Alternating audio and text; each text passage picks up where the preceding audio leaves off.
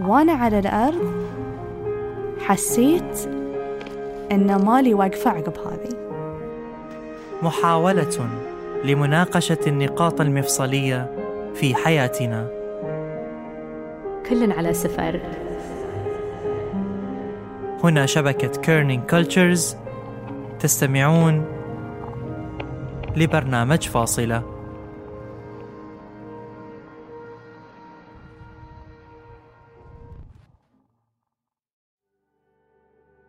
داخل كل واحد فينا بوصلة مخفية. نحس فيها مرات وتسيرنا مرات من دون ما نشعر. بوصلة تشير دايما للسماء للنور للنجم البعيد. تشير للأنا العليا للنفس المطمئنة والسلام. ولو نسمعها شوي وننصت لها فعلا بشكل واعي وحاضر كليا رح نعرف شلون نتصرف في أي مواجهة في حياتنا. راح تكون هالبوصلة البطلة في قصتنا اليوم وراح تدلنا على المحطات الزمكانية باتجاهاتها بنستكشف الدلالات المجازية بإشارتها وبنتعرف على الأبعاد الأخلاقية من خلالها وبنفرق بين الأبيض والأسود بمساعدتها وبنعبر الحدود باستنادنا عليها وراح تكون هي القائد الأول والأخير في المسير. البوصلة الآن تشير للبحرين في سنين طفولة مضت. كانت فيها فيها براءة فيها شقاوة فيها كل اللعب والراحة والطفولة حلوة كانت بشكل عام غير عن هذه المواقف اللي ممكن بسيطة هي لكن تأثر على الإنسان طول عمره. هذا صوت فاطمة المنصوري. فاطمة اللي ظهرت عليها مبادرات الإغاثة من صغرها مع الحيوانات. كانت البوصلة دايما تدليها لإنقاذ أي نوع من الكائنات من قطط أو كلاب أو غيرها. وايد أحب كنت الحيوانات. زين. وايد أحب تربية الحيوانات. وايد rescue يعني. كنت من أشوف قطوة والله من أشوف أنتو كرامة يعني كلبة أو شيء يعني. على طول أحمله وأجيبه من الشارع أجيبه البيت لعوزت أمي مسكينة يعني. من تشوفني جايبة كلب حجمه مرتين أكبر من حجم شغلته من الشارع وأجيبه وأداويه وقاعدة يعني في البيت ويانا يعني في قصدي برا البيت يعني عند السور وذي. ف بس يعني أتذكر وايد كانت عندي مواقف مع ريسكيو حق الحيوانات يعني إنقاذ حيوانات ووايد أحبهم. لكن كانت أمها دائما تتحدى اتجاه بوصلتها وتعطيها الصورة الكاملة بعد ما تستولي عليها غريزة الأمومة الجاية من خوفها عليها. فبعد وفاتها اتبعثرت فاطمة والصورة اللي كانت شبه كاملة في كل موقف صارت مو موجودة من الأساس. ضبابية رمادية وانكسرت البوصلة بالكامل. أمي أتذكر أنا يوم حسيت في الشيء يوم فقدتها يعني أن هي كانت الاتجاه المعاكس اللي أنا أحتاجه في حياتي. كانت الحين أنا أدور شخص يعني يعطيني ما بقول يعني يكون مكانها بس يعطيني على الأقل هذه البرسبكتيف اللي هي كانت تعطيني إياه يعني. كانت دائما تعطيني باقي الصورة اللي أنا ما أشوفها. يعني كأن أنا بس قاعدة أشوف جهة واحدة أو شيء واحدة هي دائما توضح لي الصورة كاملة. وهاي الشيء طبعا صعب. يعني ما يخلي العلاقة تكون سلسة لأن دايما تفتح عيني على أشياء مثلا أنا ساعات إن حتى ما أبي أشوف. ما في أحد مثل أمي يقدر يوضح لي يعطيني يعطيني صورة كاملة. وبعد فترة الضياع اللي مرت فيها فاطمة وبعد مرورها بسلسلة الفقد بكل مراحلها قدرت إنها تتقبل اللي صار وتحول الإحساس بالفراق إلى إحساس بالمعنى. طبعا أول ما تخسر شخص غالي تحس باكتئاب أكيد فترة بسيطة. إن شاء الله ما تدوم ولا تطول عند أي حد منكم يا رب المستمعين. فهذا الاكتئاب أو هاي الحزن الواحد يقدر ياخذه ويسوي له يحوره ويستخدمه ينطلق فيه في شيء معين. وأنا حسيت إن العمل الإغاثي والعمل التطوعي هو الشيء اللي أحتاجه ذيك الفترة. وكل ما الإنسان يعطي كل ما نفسيته تعتدل يعني. لما الإنسان يحس إنه في شيء محتاج له. إنزين كانت نبتة أو كان حيوان أليف أو طير أو لاجئ أو إنسان آه، يتيم. أي آه، شعور إنه هذه الروح محتاجة لي يخفف عن الإنسان البلورة اللي تصير من عقب آه، فقد شخص غالي أو من عقب موقف سبب الاكتئاب أو حزن يعني. البوصلة الآن تشير للبحرين مرة أخرى في سنين طفولة قد مضت أيضا. ولادتي أو, أو نشأتي في الطراز كانت آه، وايد حلوة أثرت في شخصيتي للحين. تعرف الأهل هناك والجيران قريبين على بعض الكل يعرف الثاني. آه، نزور بعض. آه، كل واحد يعاملك كأنه ولدك كأنه من أهلك من الجيران. تختلف عن المدن والحياة الجافة وال... كل واحد ملتهي بحياته. فوايد أثرت فيني هالمرحلة في حياتي. هذا صوت الدكتور محمد عايد. محمد اللي كان تقاطع الطب والإغاثة أساس نشأته. وكان كل واحد منهم سبب حبه للآخر. ومثل ما ظهرت مبادرات الإغاثة عند فاطمة كان محمد يمر بنفس الإشارات في طفولته وبوصلته كانت تشير لنفس المكان. أه والله الطب هو كان حلم وطموح من وأنا صغير.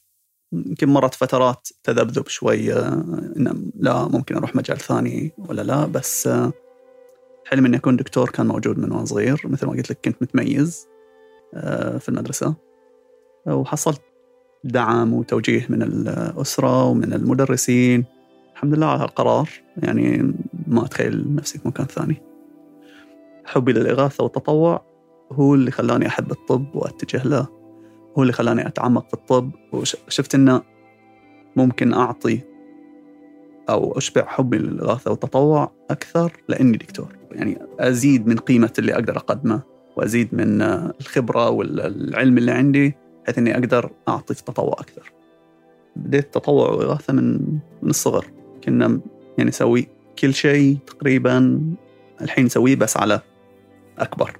بس كان كان يتسوى بطريقة بسيطة. في لحظتها كانت مرضية نفسيا وايد وشيء عظيم بالنسبة لنا. حتى كان توزيع وجبات بسيطة وماي بارد على العمال في الشارع. آه، توزيع flyers آه، منشورات توعوية صحية والمشاركة في حملات جمع التبرعات على مختلف أهدافها وأسبابها. هاي كنا نسويه دائما تقريبا. العائلة والتربية كان فيها شرارات للإيثار بين الوالدين والأخوان. وكان هذا المسار باين منذ الصغر لين ما صار أساس عمل محمد في هذه الحياة. أمي وأبوي إحنا نشوفهم شلون ربونا وشلون يتعاملون مع الناس وشلون يتعاملون مع نفسهم أصلا. آه، بينهم بين بعض آه، في إنكار ذات وفي تضحية. فهي ينمي داخلك إن هاي الحياة الصح وهاي سبب السعادة الصحيح. هاي سبب اللي اللي تطمح إنك تكون تعيشة على أساس توصل للرضا النفسي و... وتكون مرتاح. فيبتدي من الصغر أكيد.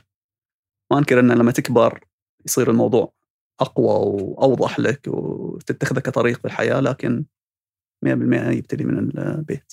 طبعا والدتي كانت وايد تشجعنا لما نجمع في الحصالات جزء منهم يروح حق الفقراء عشان نحس إنه سوينا شيء مع إنه كان مبلغ بسيط لا يذكر لكن بالنسبة لنا كان شيء كبير. آه، شوي شوي لما كبرنا دائما نتعاون مع بعض آه، المهندسة تصمم لي المستشفى اللي بنبنيه الصيدلانية تحدد الأدوية اللي لازم ناخذها معانا في هالمكان على حسب إذا كان آه، منطقة حروب ولا منطقة مجاعات ولا منطقة أوبئة شنو نحتاج. فكل واحد تخصصه كل واحد يدلي بدلوه كل واحد يقدم شيء. البوصلة الآن تشير إلى كينيا في سنة 2011 هاي هي بداية رحلة محمد الحقيقية. لما قدر يستشف المعنى الحقيقي للإغاثة في مخيم داداب في كينيا للاجئين الصوماليين. في 2011 أعتبرها شرارة الانطلاقة وأعتبرها النقطة الحقيقية نقطة التحول الحقيقية بين حياة مثل ما نقول haphazard أو مو مو واضحة لهالدرجة إلى okay هني أنا سعيد وهني اللي أبي أستمر فيه. لما سوينا حملة الإغاثية في مخيم داداب في كينيا آه، للاجئين الصوماليين. هو أكبر مخيم في العالم في وقتها. كان آه، ما يقارب مليون لاجئ. فكان مقرر ان نقعد أسبوعين في كينيا. آه، امتد لشهر لما شفنا الوضع هناك. شفنا إنهم بحاجة لنا شفنا إن إحنا بحاجة إن نتم أكثر عشان نستوعب الوضع أكثر ونسوي شيء صدق مفيد. نتج عنها بعد ما رجعت بعد شهر رحلتين اغاثيتين ثانيتين. آه، فيهم أطباء بحرينيين وفيهم نشطاء إنسانيين واجتماعيين. آه، ونتيجة عيادة البحرين. في مخيم اللاجئين في داداب لخدمة اللاجئين الصوماليين. هذه العيادة تخدم 600 إلى 800 مريض يوميا. تابعناها لمدة سنة كاملة بعد ما سويناها. وكنا نجمع تبرعات للأدوية وللمعاشات. أطباء من لوكال من أطباء محليين وظفناهم هناك ستة. غير ممرضين غير اللي يقومون بالإدارة. وللحين من 2011 للحين تقريبا 11 سنة. للحين نستلم تقرير سنوي عنها إنها للحين شغالة وتخدم كم مريض سنويا. فكانت شرارة الانطلاقه اللي إن شاء الله ما تنطفي ابدا. ويعود سبب التغيير الجذري في رؤية محمد للحياة ليكون المخيم مقام في وسط قضية ذات حدين حد المجاعة وحد الحرب. اللي تداخلوا وسببوا دوامة لا متناهية من الاثنين بخسائرها المتتالية غير المسبوقة دائمة التأثير والوجود. هاي السفرة بالذات اللي كانت نشوف نشوف اللي نشوفه في التلفزيون على الواقع. كنا نشوف الأطفال شلون متعرضين للمجاعة أو متعرضين للحروب والاثنين اجتمعوا في الصومال. حرب أدت إلى مجاعة ومجاعة تزيد من شعلة الحروب وقوة الحرب اللي هناك. فكنا نشوف أطفال مصابين بسوء التغذية وأطفال مصابين بإصابات حربية. كنا نشوف كبار فقدوا كل عائلاتهم. في فترة وجيزة. اكتشفنا أن إحنا نعيش آه، بعيد عنهم. اكتشفنا أن إحنا نحتاج أن لازم نوصل له لهم هناك عشان نستوعب وعشان تتغير شخصياتنا. ما أتوقع في أحد راح هناك من ال group اللي للحين مستمرين إحنا مع بعض من ال group اللي راح ورجع بنفس شخصيته. تغيرك تماما. أنت تروح على أساس تفكر إنك تغير واقعهم ترجع أنت متغير. يأثر على شخصيتك كلها. لما ترجع ما ما أظن إنك بتسرف في الماي مرة ثانية في حياتك. ما تقدر. ما تقدر بعد ما تشوف هناك واحد مات لأنه ما شرب ماي. صار أسبوع ولا عشرة أيام. ما تقدر تصرف في الماي مرة ثانية. قلت لك ما ترجع مثل نفس الشخص. ما تسبب لك كآبة. بالعكس تسبب لك كنا باب خير وانفتح لك. في شيء أنت تقدر تسويه وهاي المجال موجود قدامك. هو طبعا ما نتمنى ان تستمر المجاعة عشان إحنا أو الحروب عشان إحنا نستانس. لكن هو واقع موجود مفروض عليهم. وإحنا بإيدنا نغير. لو ننقذ لو كل جهودنا وكل آه، اللي نسويه أدى إلى إنقاذ حياة واحدة فيكفي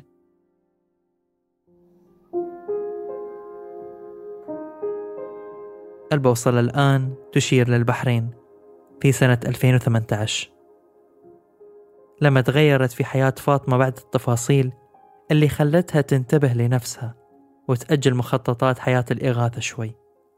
كانت مصابة بخمول مستمر وصل لحد إنها تنام من دون تحكم بنفسها. كنت في البداية كنت ما أقدر أقعد من وقت كله أرقد متأخر يعني كله أقعد متأخر قصدي زين؟ يعني نو متر حتى لو أنا راقدة من وقت بعد أقعد متأخر ما أقدر أقوم الصبح يعني. فابتديت إن أتخلف عن الدوام الشغل ما أقدر آه، أروح على الوقت يعني. أتذكر الموظفين كانوا يقولون أوه فاطمة مداومة أول ليل اليوم يعني. إن أروح لهم على الظهر تقريبا. بس المهم إن أروح يعني أحاول إن I drag myself يعني. بس ما حد كان يعرف يعني أنا ما كنت عارفة شنو فيني وما حد كان فاهم يعني آه، شنو اللي أنا قاعدة أمر فيه. فكان أول أيام كانت وايد صعبة لأن فحوصات كلها سويناها دكاترة يعني من مستشفى لمستشفى ما ما كان في شيء يعني ما ما حصلت التشخيص إلا عقب معاناة أساسا. وكل مرضى الفايبروميالجيا يمرون في هذه المعاناة قبل يحصلون التشخيص بعد يعني ف كانت فترة صعبة وايد. الفايبروميلاجيا هو متلازمة الألم العضلي الليفي يسبب آلام في الجسم والمفاصل ومن أعراضه كل اللي كانت تحس فيه فاطمة لكنه صعب التشخيص ويحتاج دراسة نوم عشان يتعرفون عليه. اللي كانت آخر ملاذ لفاطمة بعد كل محاولاتها اللي استمرت لسنين.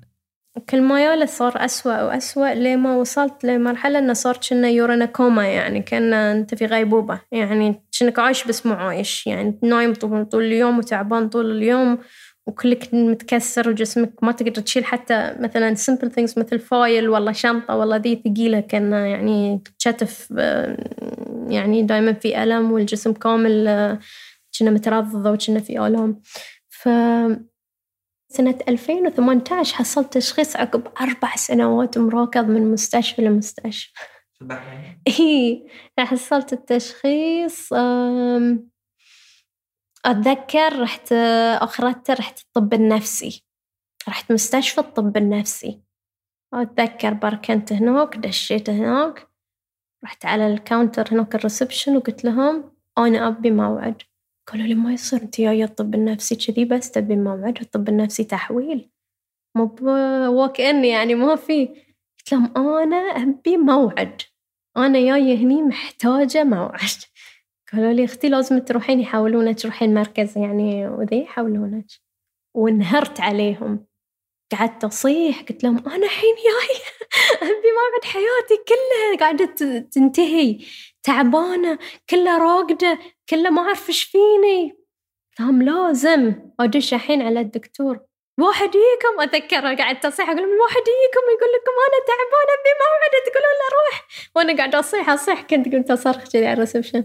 قالوا زين زين زين. دخلوني حق الدكتور قالوا لي دخل بعد حظي زين الحمد لله كان أحسن دكتور هناك. محسن الطريف أتذكر دخلوني سووا لي full assessment psychological assessment وقال لي ما في شيء. قلت له ما يصير ما فيني شيء ما يصير دكتور كله راقدة كله تعبانة ما أقدر أقوم. إلا يقول سوي sleep study فهني طرشني على عيادة الدكتور قاسم عمران. ذيك الأيام كان أول واحد في البحرين فتح sleep study ما كان فيه في البحرين ذيك الأيام. فسوينا ال sleep study وشاف إن عندي fibromyalgia و narcolepsy شيء كذي يعني. وبعد ما عرفت واقع مرضها جربت العديد من الطرق للتعافي لكن اللي فعلا لقت نفسها فيها واللي قدرت إنها تتعافى من خلالها بكل سلاسة وأريحية كانت اليوغا. اليوغا اللي تميزت فيها واتخذتها طريقة لعلاج باقي الناس كذلك. تعلمتها وعلمتها وتحضرت من خلالها إنها تواجه عالم الإغاثة بذهن صافي. في علوم اليوغا يعتبرون إن الإنسان له layers آه ف أي اللي هي خمس pancha koshas يسمونهم الخمس layer ات آه الجسم المرئي اللي إحنا نشوفه وفي أربعة غير آه عن هذه اللي هو level ال prana اللي هي ال chi energy أو ال ki energy أو يعني بال بال بال Chinese يسمونها chi بالياباني يسمونها ki بال Sanskrit prana. فهذه الطاقة الحيوية ال vital energy هذه طبقة كاملة. بعدين في عقبها layer ثالث اللي هو وايد مهم ال mental layer الذهن. وبعدين عقبه الفكر بعد بروحه غير الأفكار كيف تنشأ وكيف هاي ال intellect يعني نفسه. آه وبعدين آه الخامس اللي هو ال bliss اللي الكل يبي يكون في سعادة وفي راحة وفي آه هذه الطبقة اللي, إحنا نيودها بين فترة وفترة يعني نروح we feel يعني آه بس يكون most of the time حق أغلب الناس يكون شيء مؤقت يعني يحسون آه بهذه السعادة وبعدين تروح لأنه يعني مثلا لما الواحد يشتري شيء جديد يحصل ترقية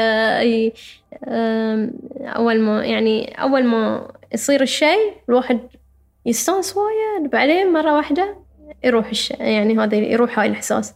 فهاي دايما ليش الإنسان لازم يطور من نفسه عشان ما يروح ورا هذه الأشياء السعادة المؤقتة اللي في الأشياء الملموسة. كان شرى سيارة جديدة استانس حصل ترقية في الشغل استانس حتى كل كل كل شيء لذيذ استانس راح سيده مثل ما يقولون في منا ما يكوشة الطبق الخامس زين اللير الخامس. فهاي كلها أشياء تمبرري أشياء مؤقتة. فلما إحنا نطور من ذاتنا أكثر إحنا نقدر نكون على اتصال بهذه السعادة بشكل أكبر من شيء مؤقت ومجرد مؤقت. وقدرت إنها توصل للهناء أو البلس بمساعدتها للناس في مختلف دول العالم. البوصلة الآن تشير لنيوزيلندا سنة 2019 لما انصعق العالم بالمشهد الغريب غير الإنساني المليء بالكراهية. المشهد اللي وقفنا صامتين مو عارفين شلون نعبر مو عارفين شلون نتصرف. لكن كانت لفاطمة كلمة ثانية. صار ثامن أكبر إطلاق shooting يعني ناري في في public في مسيد اللي صار في نيوزيلندا. وتطوعت هناك. رحتي نيوزيلندا؟ رحت أول جمعة اللي صار فيها ال gathering وصار فيها فتحوا عقب هالمسجد كنت هناك كنت شنو كان؟ الإحساس ما شنو صار؟ ليش رحت يعني؟ أش... ليش؟ أنا الحين اتذكرها إي إي إي. انقهرت إن شفت شلون بطل الفيسبوك ماله ال live ويعني حسيت إنه قاعد إنه كأنه يبي يخوف الناس من روحة المسايد والصلاة في المسايد. فشل دفتي طقيت سلف وقلت لهم في أمان الله بروح حجزت تذكرة ورحت هناك ورحت صليت في المسجد هناك صورت حق الناس رويتهم. عشان ما كانوا هالأشكال يخافون المسلمين. والله هالأشكال. والشيء الحلو إن شفت المسلمين من كل العالم جايين يسوون نفس اللي أنا سويته. انه جايين يتحدون ضد ال ال ال هذه الكراهية والتخويف اللي كان يصير ضد المسلمين. فكان كانت تجربة مؤثرة جدا مؤثرة جدا يعني. آه، وفي نفس الوقت تاريخية أقدر أقول. لكل ذرة شر ذرات من الخير. ومثل ما راحت فاطمة إلى نيوزيلندا لمساعدتهم راحوا معاها أفواج من الناس من كل أنحاء العالم بشرقة وغربة لإبعاد الكره وتحويله لسلام. التطوع كان شيء وايد حلو في هذه الفترة شيء مؤلم في نفس الوقت لأن تشوف معاناة الناس تشوف الأشخاص اللي نفس ذاك الشيخ الكبير اللي كان قال هلو برادر اللي اشتهر بهذا هلو برادر يعني أنا شفت إخوانه وعياله وذي هناك وكانوا يتكلمون بكل قوة وبكل صبر وتحمل ما شاء الله عليهم. غير عن في كثير من العوائل العربية هناك بعد فكان أبسط شيء نقدر نسويه مواساتهم والواقفة معاهم وال اللي كانت تصير وال شو يسمونهم المسيرات. المسيرات اللي كانت تصير كل فرد كان موجود هناك وكل كل يعني شخص تواجد لعب دور في هذه الحدث التاريخي. وتشوف الناس إيش كثر اللي كانوا يصيحون واللي كانوا متأثرين. وايد ناس تأثروا هناك. شفنا ناس عاديين يعني ما لهم حتى دخل بال يعني الإصابات. آه نيوزيلنديين هناك آه كانت واحدة تصيح يعني تسولف وياي بس شافتني يعني وقعدت تسولف وياي وتقول ليش كثر تأثرت؟ تقول إحنا إحنا ال neighborhood مالنا مو كذي ما عندنا كره ما عندنا ذي. فأتذكر يا ودت يا ودت فيني وحتى قالت لي صير ادش المسجد معاك. تقول أنا مو مسلمة بس أبي ادش يعني صير ادش سالتهم هناك قالوا لي okay دخلوا. فذكر هناك دشت وشافتنا نصلي و تمت تتشهد وذي فالحمد لله الحمد لله على كل حال. يعني التجارب كلها حلوة يعني في النهاية بالرغم من المرورة اللي فيها والألم اللي فيها آه، تكون في النهاية آه، ذكرى مؤثرة. البوصلة الآن تشير إلى الوالدة وإلى مخيمات الروهينجا في بنغلاديش في سنة 2018 شنو الأشياء اللي داخل اللي اللي خلاك تروحين all the way to New Zealand؟ أنا اوريدي كنت منطلقة. حسرتي على أمي. حسرتي على أمي. كنت منطلقة يعني. نيوزيلاند نفس الشيء آه، الأردن عقب ما توفوا الأطفال في البحر الميت. حسيت حسيت يوم أنا كنت أشوف الناس يدشون يعزوني إيش كثر كان مهم. يعني مثلا أنا أول رحلة كانت لي عقب ما توفت الوالدة الله يرحمها في مخيمات الروهينجا. لما تشوف اللاجئين هناك تشوف حالهم وتقدر تساعدهم لو بشي بسيط همك يصير نقطة بسيطة يعني كأنك تسوي زوم أوت كأنك تسوي زوم أوت أنت كنت مسوي زوم إن على موضوع وفاة شخص غالي عندك ولما تطلع حق الدنيا وتشوف كأنك صار لك zoom out خلاص. فالهم والاكتئاب والحزن مال الفقد هذه كله يبتدي يتلاشى شوي شوي شوي شوي ما يروح ما يروح بس إحنا نقول يتلاشى يعني بس يبتدي يخف يخف يخف يخف بس يروح في ال background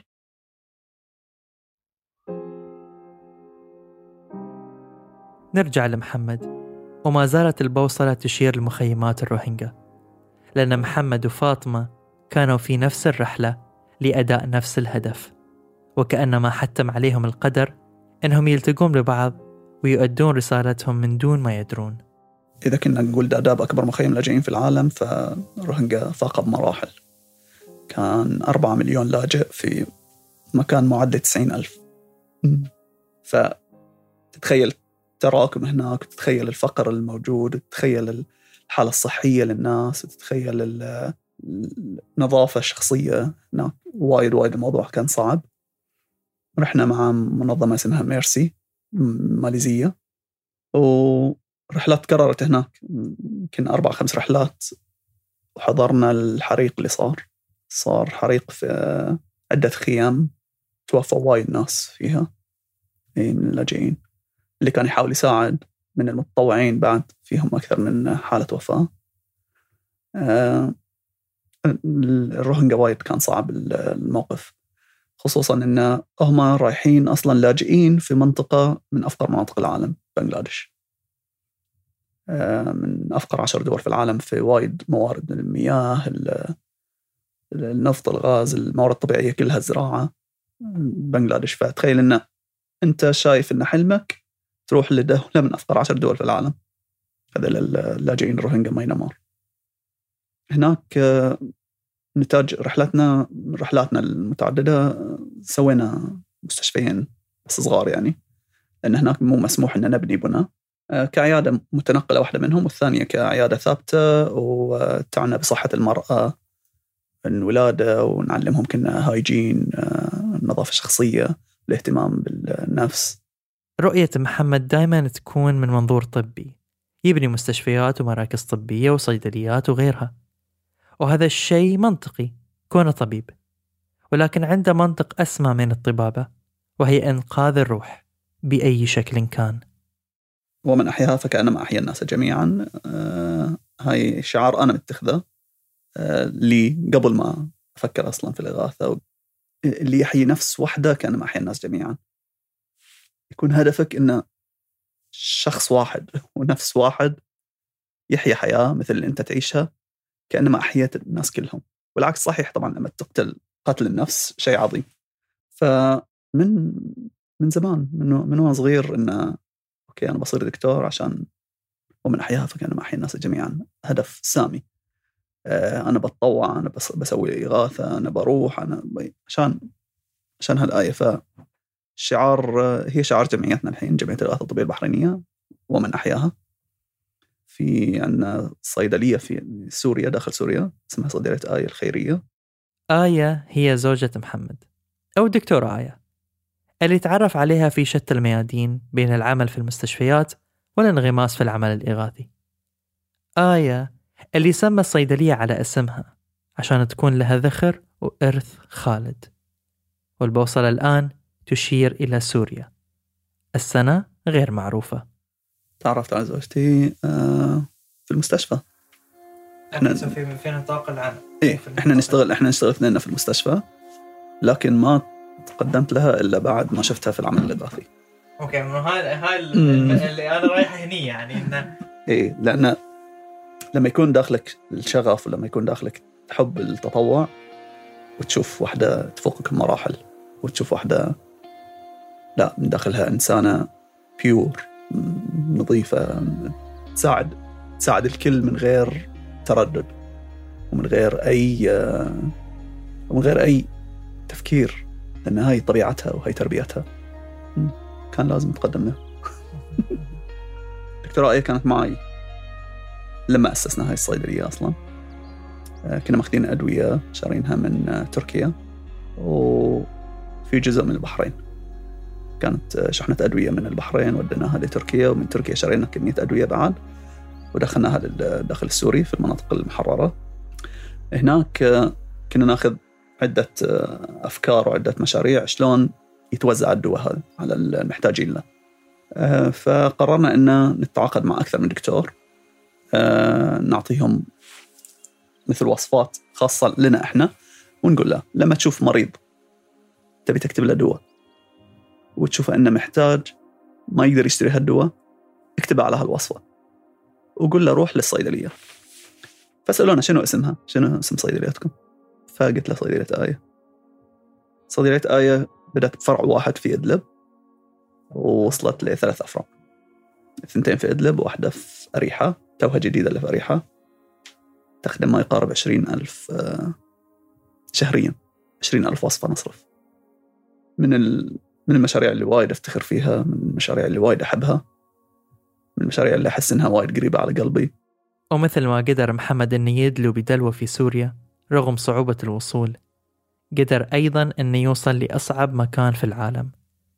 البوصلة الآن تشير إلى غزة في سنوات متفاوتة. آه غزة. هي هي يعني كأننا نتدرب في أماكن أخرى عشان نطبق في فلسطين. إيه. أتوقع لو سألتهم كلهم كلهم يقولون نفس الشيء. إن أنا أحس إن أروح المخيم اللاجئين أتعلم مهارات جديدة وأتعلم شلون أتصرف بحيث لما يصير شيء في غزة ويصير شيء في القدس أقدر أتصرف وأقدر أكون على على قدر المسؤولية. إنقاذ حياة شخص هو الخط الأحمر الوحيد في عمل محمد. وأي شيء غير ذلك ممكن أنه يضغط عنه. فهو ما يؤمن أن الحدود تتم موجودة في العمل الإغاثي. وكأنما تتلاشى وتصبح الأرض كلها واحدة. طبعا شوف طبيعة عملنا كإغاثيين وكمتطوعين دائما تحتم علينا أن إحنا نكون حاطين قوانين قبل السفرة نكون حاطين جايد لاين نمشي عليها آه، بحيث أن نكون احترافيين أكثر وبحيث أن نكون حذرين ما ما إن على الأقل نوصل ونقدم المساعدة ونرجع. أغلب الأوقات. لكن مو هاي اللي يصير دائما عادة آه، نحصل آه، مقاومة. لأن ساعات أنت تواجه سبب المشكلة أساسا في هالمكان. أنت تروح تحصل اللي مسبب الحرب هو اللي واقف على الحدود. فشلون بيسمح لك أنك تدخل بهالسهولة؟ ف بمجرد أن نحط في بالنا أن هدفنا أكبر من مجرد حدود مرسومة آه، ما في شيء يوقف ويانا نحاول قدر الإمكان نكون حذرين نكون آه، على قدر المسؤولية لأن إحنا مهما كنا نحمل آه، اسم البحرين. فما ما نهينا في أي مكان ولا نحسسهم أن اللي اللي يجون من البحرين آه، عندهم ميول عدوانية أو آه، أو ما يحترمون القوانين. نحاول لكن لما يوصل الموضوع إلى إنقاذ حياة إنسان ما ما, ما في شيء يوقفنا. إذا كان الموضوع يتوقف عليه حياة إنسان في هاللحظة ما نكون إحنا مثل الشخص عادي. ما نكون إحنا مثل اللي ما انحط تحت هالتجربة ولا شاف واحد قدامه. ممكن يموت وهو في ايده مساعدته ففي لحظتها إيه الكل يتحول إلى مغامر الكل يتحول إلى ثائر الكل يتحول إلى شخصية ثانية غير اللي عهدها عن نفسه هو. مو الموضوع مو تهريب ولا ولا آه، غش ولا هو خداع. هم لما يعرفون هدفنا وشنو قاعدين نسوي بالضبط اخرتها يسمحون لنا يعني. ولا إحنا مو مو سوبرمان ولا جون ولا ولا نقدر نطير. إحنا مجرد يشوفون إصرار في عيوننا ويشوفون آه، قوة في كلامنا. وندخل في الآخر. ثنائية الخير والشر هي الثنائية الأكثر تعقيدا في هذا العالم. ولها دلالاتها ولها أشكالها ولها طرقها في أنها تكون مستمرة. ويتم الإنسان في هذه الدوامة للأبد. فمعظم الأشياء في النهاية رمادية. ولنا الحرية في اختيار مسارنا. البوصلة الآن تشير للبحرين مرة أخرى في 2021 لما محمد ما توقف حتى برجل المكسورة عن العطاء وقدر أنه يدفعها هي أيضا للعطاء. مثل ما في خير في شر وبسبب وجود الشر في العالم وبسبب وجود الأطماع في العالم تحصل ناس فقراء. وترجع الدائرة أن أهل الخير يساعدون هذول الفقراء بحيث أن ينتصرون على أهل الشر. فهي دائرة مستمرة. بتتبرع بدينار وتحس أنك سويت اللي عليك وخلاص وترتاح. تنام أو لا بتصرف 20 دينار عشان 100 دينار توصل لهم. توصل لهم فعليا يد بيد. أو بتصرف معاشك كله عشان أنت تروح هناك أصلا. ومن إجازتك السنوية. وتتعرض أنت للخطر تتعرض أنت للخوف اللي هم قاعدين يعيشونه ونفس نفس العوامل البيئية اللي هم قاعدين يعيشونها. وين وين طموحك بيوقف؟ وين بتحس إنك ساعات وين بترضى عن نفسك وبترضى إنه والله حاولت. أنت عرفت عن مأساة الصومال. قط مرة سويت شيء.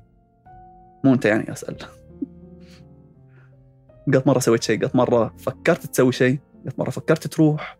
فكرت تتبرع. والله الظروف مو مؤاتية آه، ما قدرت كنت مشغول في شيء. كل واحد يعرف بالضبط قدراته ويعرف بالضبط متى في حياته مرت فترة كان يقدر يسوي شيء وما سواه لسبب أو لآخر. كلنا نتحاسب. ما في واحد بيتحاسب بس على إنه صادق وأمين ومحترم ويصلي وكل شيء. عالم. إحنا في العالم كله في امتحانات في كل مكان. لا تتوقع إن هذا مو امتحان لك. امتحان لهم بس. هو امتحان لنا كلنا. ليش؟ إحنا نشوف نشوف ناس وايد هناك ما يؤمنون بالحساب أصلا ولا يؤمنون استغفر الله برب العالمين. نشوفهم يساعدون. ليش؟ لأن الموضوع إحنا عندنا عمق ديني له وهو عنده عمق أخلاقي وإنساني. على الشقة اللي قلت عنها وكانت ريل مكسورة.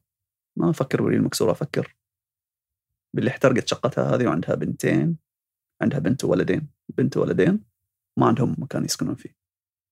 وعشان بس تقدم على الجمعيات الخيرية يبي لها شهر إلى شهرين لما يطلعون لها مكان ثاني. في نفس اليوم سكنت في شقة ثانية. اللي كنت بوصله من ذكر قصة أنت اللي ذكرتها بس. تعليقي عليها. إن هاي اللي ساعدناها مساعدة ثلاثة أنا مطرشهم لها الحين. قامت هي تحولت من آخذة للتبرعات ومستقبل التبرعات إلى إلى أكثر واحدة معطاءه عارفة الحين. مجرد ترش لها location و...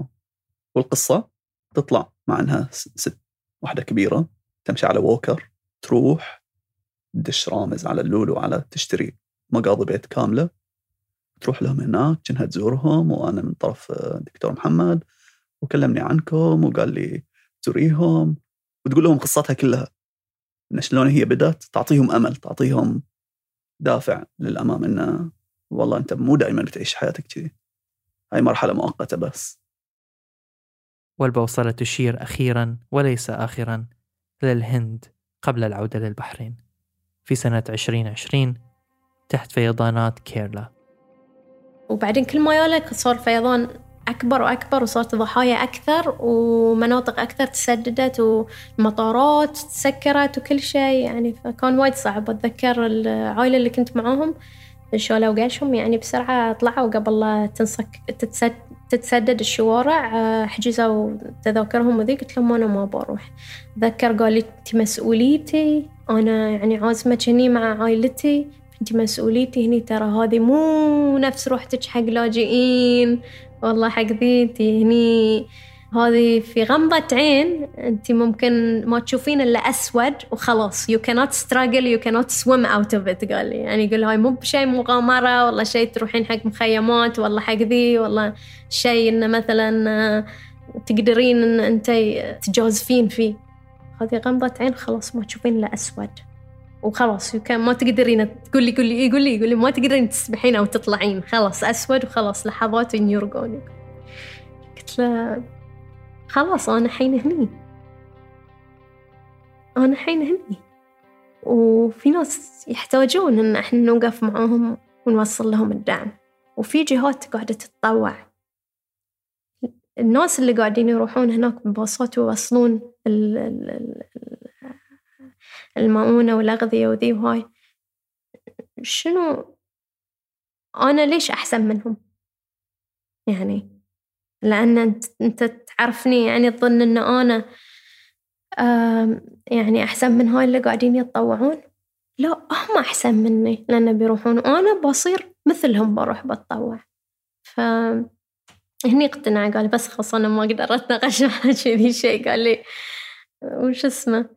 ورحنا أتذكر الباص كان كل المتطوعين مال الجمعيات هذي كلها ريايل كان بعد هاي كان شيء ثاني يعني إنك تقول لهم زين ترى في نسوان هناك والنسوان يحتاجون مرة توقف معاهم. فبكون إن كل الريايل اللي واقفين يتطوعون مو معناته إن المرأة ما تقدر تروح بعد وتوقف مع النسوان اللي هناك لأن في نسوان في يهال في ذي في يحتاجون إن النسوان يكونوا معاهم. فالحمد لله يعني كانت الطريق وايد كان وعر. زين كذا مرة يعني بغينا نروح فيها يعني الشوارع تتسدد وتعطل وننزل نمشي يعني بريلنا لما نوصل لمكان وذي.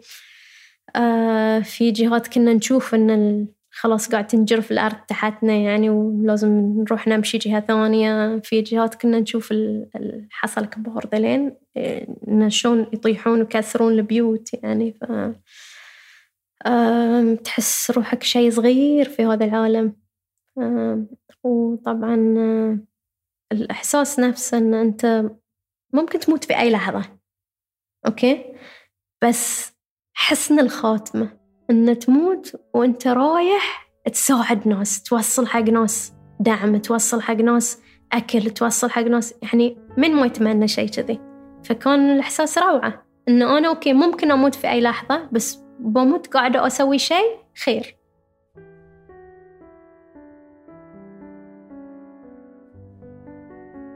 ثنائية الخير والشر ما بتنتهي وفعلا الدنيا بخير أكثر. لأن فيها مثل فاطمة ومحمد. وبتضل بخير لو استمروا برسالتهم وشاركناهم فيها. فنختم بمختارات من شعر لصديق فاصلة اللي دايما نستدل بأقواله ونحللها ونعرضها مرات. جبران خليل جبران لما كتب عن العطاء. إنك إذا أعطيت فإنما تعطي القليل من ثروتك. ولكن لا قيمة لما تعطيه ما لم يكن جزءا من ذاتك لأنه أي شيء هي ثروتك. أو ليس الخوف من الحاجة هو الحاجة بعينها. وهناك الذين يعطون ولا يعرفون معنى للألم في عطائهم ولا يتطلبون فرحا ولا يرغبون في إذاعة فضائلهم. هؤلاء يعطون مما عندهم كما يعطي الريحان عبير العطر في ذاك الوادي. جميل أن تعطي من يسألك. ما هو في حاجة إليه. ولكن أجمل من ذلك أن تعطي من لا يسألك وأنت تعرف حاجته. كانت هاي الحلقة الرابعة من الموسم الثاني لفاصلة. من إعداد وتقديمي أنا محمد جعفر تحرير نيمة صالحة الهوية البصرية من تصميم هاجر الدغيمي التأليف الموسيقي لكوثر مصطفى التصميم الصوتي لبول ألوف ومحمد خريزات وفريق البحث عن القصص متمثل في مروى بوهيلة لا تنسون تشتركون في القناة وتقيمون الحلقة على أي منصة بودكاست تستمعون لنا منها وشاركوا الحلقة مع اللي تحبونهم. إلى أن نلقاكم في نقاط مفصلية أخرى.